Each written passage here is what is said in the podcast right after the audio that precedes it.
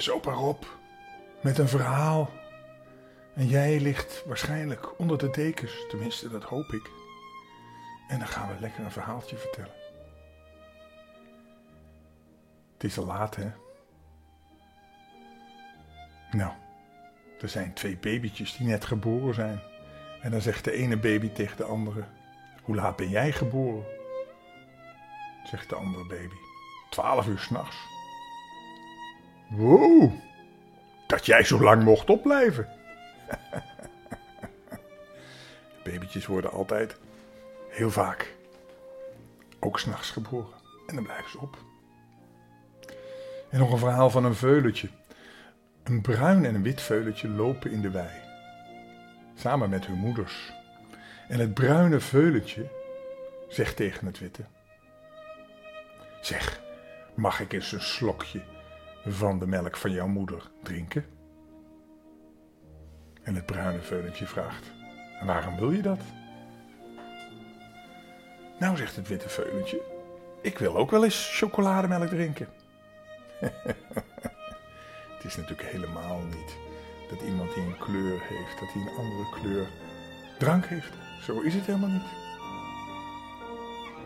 Nou, we zitten in de Sinterklaastijd, dus we gaan weer een Sinterklaasverhaaltje vertellen.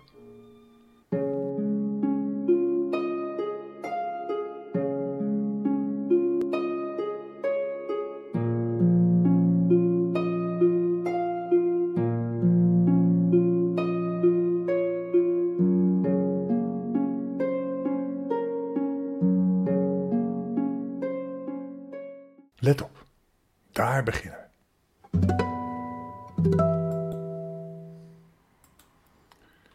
eerste verhaal heet Sinterklaas zit zonder geld.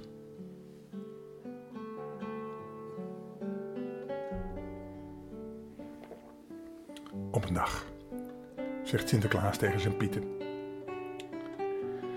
Ik moet nog zoveel cadeautjes kopen. Eigenlijk te veel om op te noemen.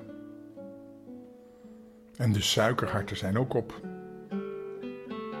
Straks ga ik naar boven en dan maak ik een lijstje waarop alles staat wat ik nog moet kopen.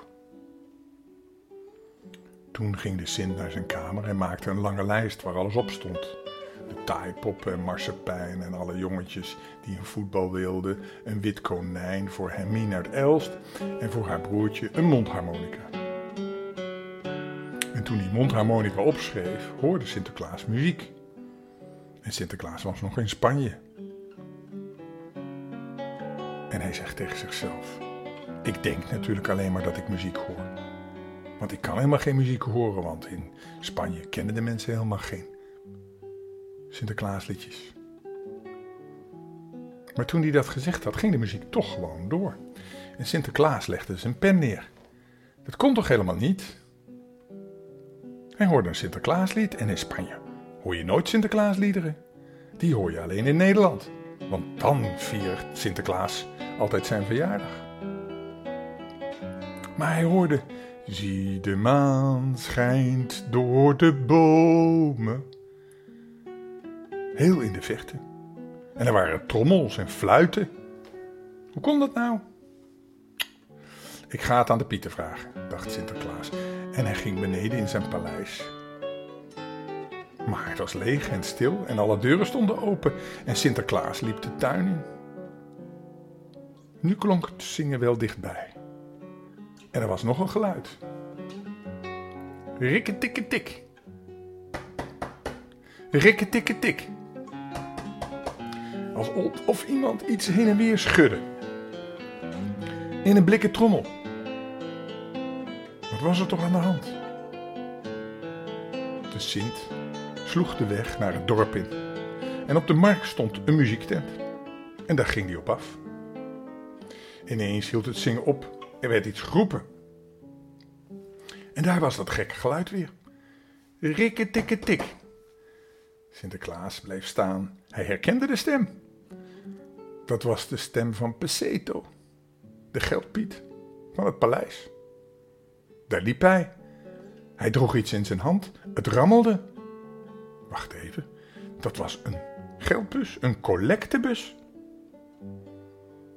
Sinterklaas kon zijn ogen niet geloven. Peseto met een echte geldbus, een collectebus. Hij rammelde ermee onder de neuzen van de mensen. Het geld van Sinterklaas is op, riep hij. Geef allemaal met gulle hand. Sinterklaas heeft geen geld meer om cadeautjes te kopen voor de kinderen. Kinderen. Sinterklaas wist niet wat hij hoorde. Peseto, riep hij. Peseto, wat is dit allemaal? Sinterklaas liep naar Peseto toe, zo hard hij kon. Maar de mensen riepen Sst! En sommigen keken zelfs boos. Sinterklaas moest stil zijn. Ze wezen naar iets in de verte en daar zag hij het pas, de muziektent. De pieten in de muziektent. Ze zongen. Sinterklaas is jarig. En ze hadden een zondagse muts op. Sinterklaas pakte Peseto bij zijn jas. Wat heeft dit allemaal te betekenen? vroeg hij. Peseto liet de geldbus zakken. Maar Sinterklaas, u zei toch vanmorgen: ik moet nog zoveel cadeautjes kopen. En u zei ook dat de suikerharten op waren. En toen werd ik bang. Ik dacht, hij vast niet meer genoeg geld. Niet genoeg geld?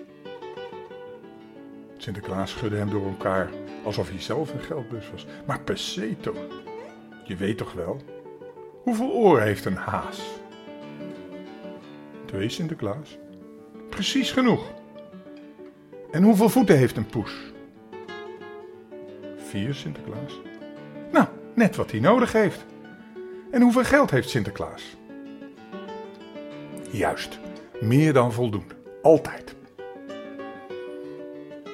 Peseto zuchtte, dat is waar ook.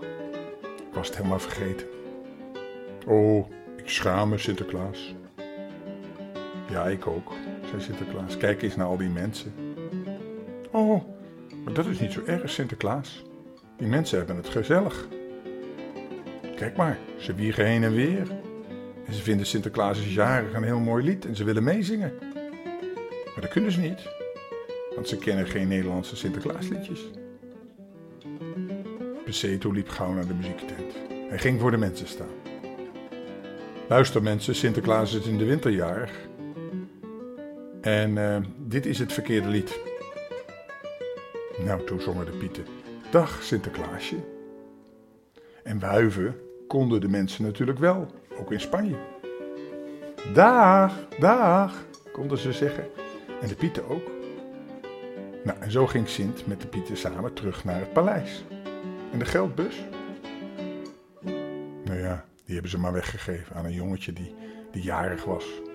En die kocht er toverballen voor. Voor alle mensen in het dorp. Allemaal eentje.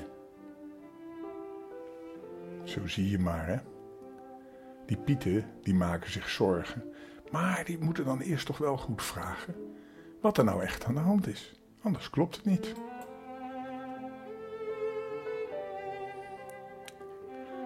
Nou hebben we nog twee verhaaltjes. Dat zijn oude verhalen van Nicolaas. Nicolaas is een oude historische bisschop uit het geloof, uit de kerk. En die deed allerlei, allerlei wonderen en goede dingen. En hij zorgde goed voor de mensen. Nou, bijvoorbeeld deze, Nicolaas en de dochters van de koopman. In Mira, de stad waar Sint Nicolaas toen bisschop was, woonde eens een koopman. Zijn vrouw was gestorven en hij was daar natuurlijk heel verdrietig over. Eigenlijk zo verdrietig dat zijn zaken hem niets meer konden schelen. Dat hij alleen maar naar kroeg in ging en dat hij probeerde zijn verdriet te verdrinken. En hij gokte ook. Als iemand vroeg een potje te gaan kaarten, dan zei hij geen nee. Maar het leek hem onverschillig, het leek hem koud te laten of hij won of verloor. Maar ja, hij verloor wel een heleboel geld. Al zijn vermogen in hele korte tijd. Hij gooide zijn hele vermogen over de balk, zoals ze dat noemen. En de koopman had drie dochters. En die moesten allemaal wel een goede man trouwen. Maar in Mira is het de gewoonte dat als je dochter met iemand anders trouwt, dat je dan een bruidschat meegeeft aan die dochter. Dus je moet geld meegeven, een cadeau, of koeien of iets anders, zodat die dochter met die schoonzoon opnieuw kan beginnen. En de koopman had daar geen geld voor. Hij kwam zelfs op de slechte gedachte om zijn jongste dochter maar op de slavenmarkt te verkopen. Dan zou hij de opbrengst voor de twee oudste dochters kunnen gebruiken voor een uh, bruidschat. De bisschop van Myra, de heilige Nicolaas, hoorde dat.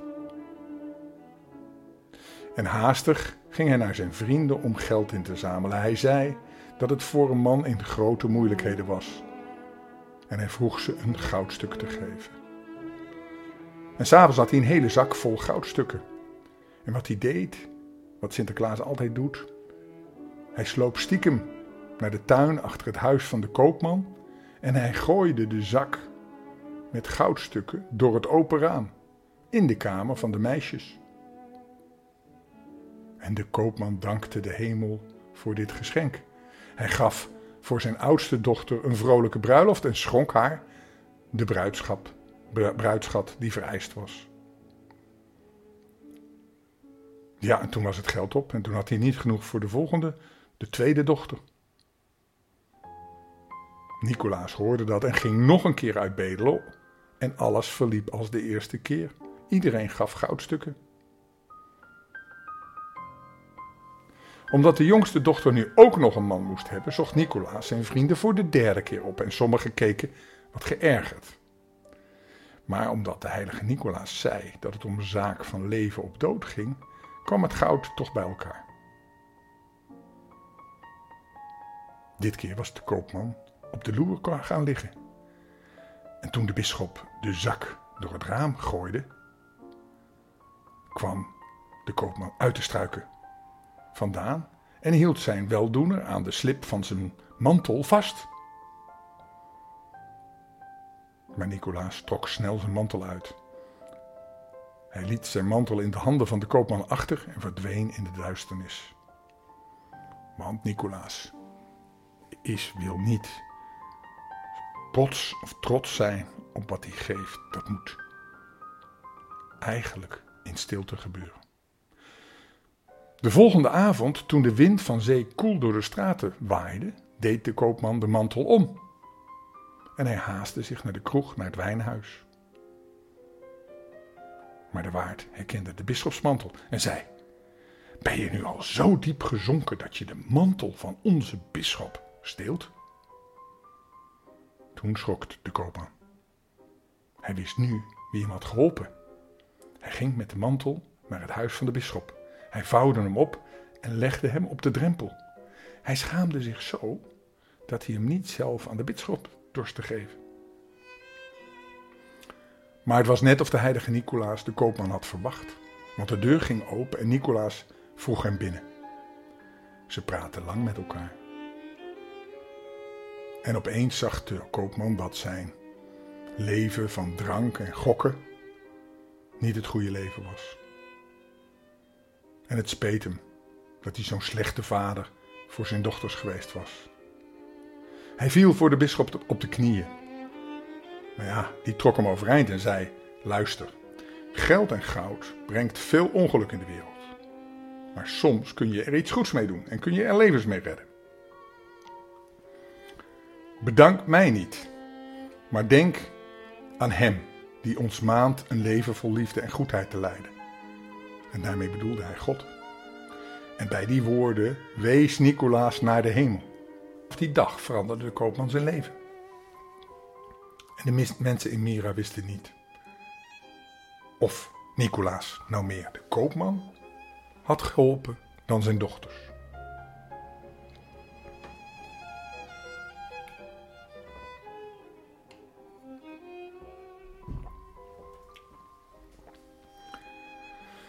En er is ook nog een derde verhaal. Dat is ook een heel oud verhaal over Nicolaas. Eigenlijk een Russisch verhaal, want in Rusland was de heilige Nicolaas, Sint Nicolaas, ook eigenlijk iemand die wonderen verrichtte, die heel goed was. Dit verhaal gaat over het graan. Nicola en het graan.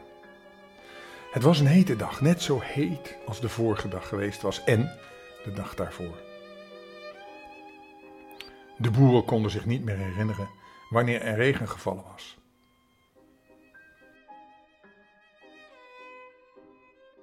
De brandende zon had hun graanoogst volledig verbrand. Ze vroegen zich af of Elias, de strenge, dat is een heilige, boos op hen was. Of dat God, de Heer, hen wilde doen beseffen hoe zondig ze waren. En of dit nu een waarschuwing was. Maar wat moesten ze met deze verschrikkelijke droogte terwijl ze bijna geen eten meer hadden? De akkers en de arme boeren lagen er verschroeid en kaal bij. Ja, de rijke boeren hadden nog een beetje hun akkers kunnen bevloeien met water. Maar weldra zouden de oude boer, de arme boeren in hongersnood ondergaan. En ze praten zo met elkaar over hun ongeluk. En toen naderde er een oude grijze man. Geen van de boeren kende hem. Hij kwam niet uit deze streek, dachten ze. Waarom kijken jullie zo bedrukt? vroeg hij de boeren, terwijl hij bij hem stil bleef staan. Is er een ongeluk gebeurd? Een van de boeren stond op en wees naar de velden. Zie je niet hoe onze akkers eruit zien? De enorme hitte en de zon heeft alles verbrand. De oude man keek om zich heen en richtte zijn blik op, een, op de een en van de een naar de ander. Hij keek iedereen aan. Hij schudde zachtjes zijn hoofd en sprak. Beste mensen, als jullie nog een handvol roggekorrels hebben, breng me die dan. De boeren keken elkaar verbaasd aan en keken toen achterdochtig naar de oude man. Ze begrepen niet wat hij wilde. Wilde hij ze voor de gek houden of bespotten in hun ellende? Ze overlegden met elkaar en besloten tenslotte toch maar een handvol roggen te halen. Je kon nooit weten wat die oude grijsaard daarmee zou doen. Zorgvuldig nam de oude man de roggenkorrels in ontvangst en liet zich van de ene hut naar de andere brengen. En bij iedere boerderij bekeek hij alles zorgvuldig. De boeren keken elkaar verbaasd aan. Ze zagen dat hij keek op ieder erf. En hij legde voor de broodovens, vlak voor de broodovens, een rogkorrel neer. En toen hij overal geweest was, vroeg de grijsaard nadrukkelijk: Ben ik nu overal geweest? Heb ik geen boerderij overgeslagen? De arme boeren knikten en begonnen met elkaar te overleggen. Wat is de zin van dit alles? En intussen letten ze niet meer op de oude man. En de oude man verliet de armelijke hutte zonder dat iemand het merkte. Pas toen ze tegen de avond hem wilden uitnodigen voor een schamele maaltijd, merkten ze dat hij was verdwenen. Het werd avond en de boeren gingen naar bed. Ze legden zich ten rust. De volgende ochtend werden ze wakker. Ze keken somber uit het raam om te zien of er eindelijk regenwolken in aantocht waren om hun ellende te keren. Maar wat ze zagen, verbaasde hen zeer. Ze konden geen woord meer uitbrengen. Op elke plek waar die oude man voor iedere oven een graankorrel had neergelegd, groeide er nu een rijpe rogaar. En overal stak uit de schoorstenen wederom een rijpe rogaar. En terwijl ze rondkeken in hun huizen, ontdekten ze dat het kleine lampje van het icoon van Sint Nicolaas helder brandde. En buiten gekomen zagen ze dat op hun akkers het rijpe graan in de wind heen en weer wiegde. En toen begrepen ze wie die oude man geweest was, die hen gisteren op een zo vreemde manier bezocht had. Het was Nicolaas, de barmhartige. Hij had een wonder verricht en hij had de oogst gered. Dat was toch fantastisch. Dus, je moet maar denken, een heilige kan je altijd redden. En dat is heel mooi. Ga daar maar eens over dromen. Want dan gaan we nu slapen. Wel rusten, lieverd. Tot morgen. Dag.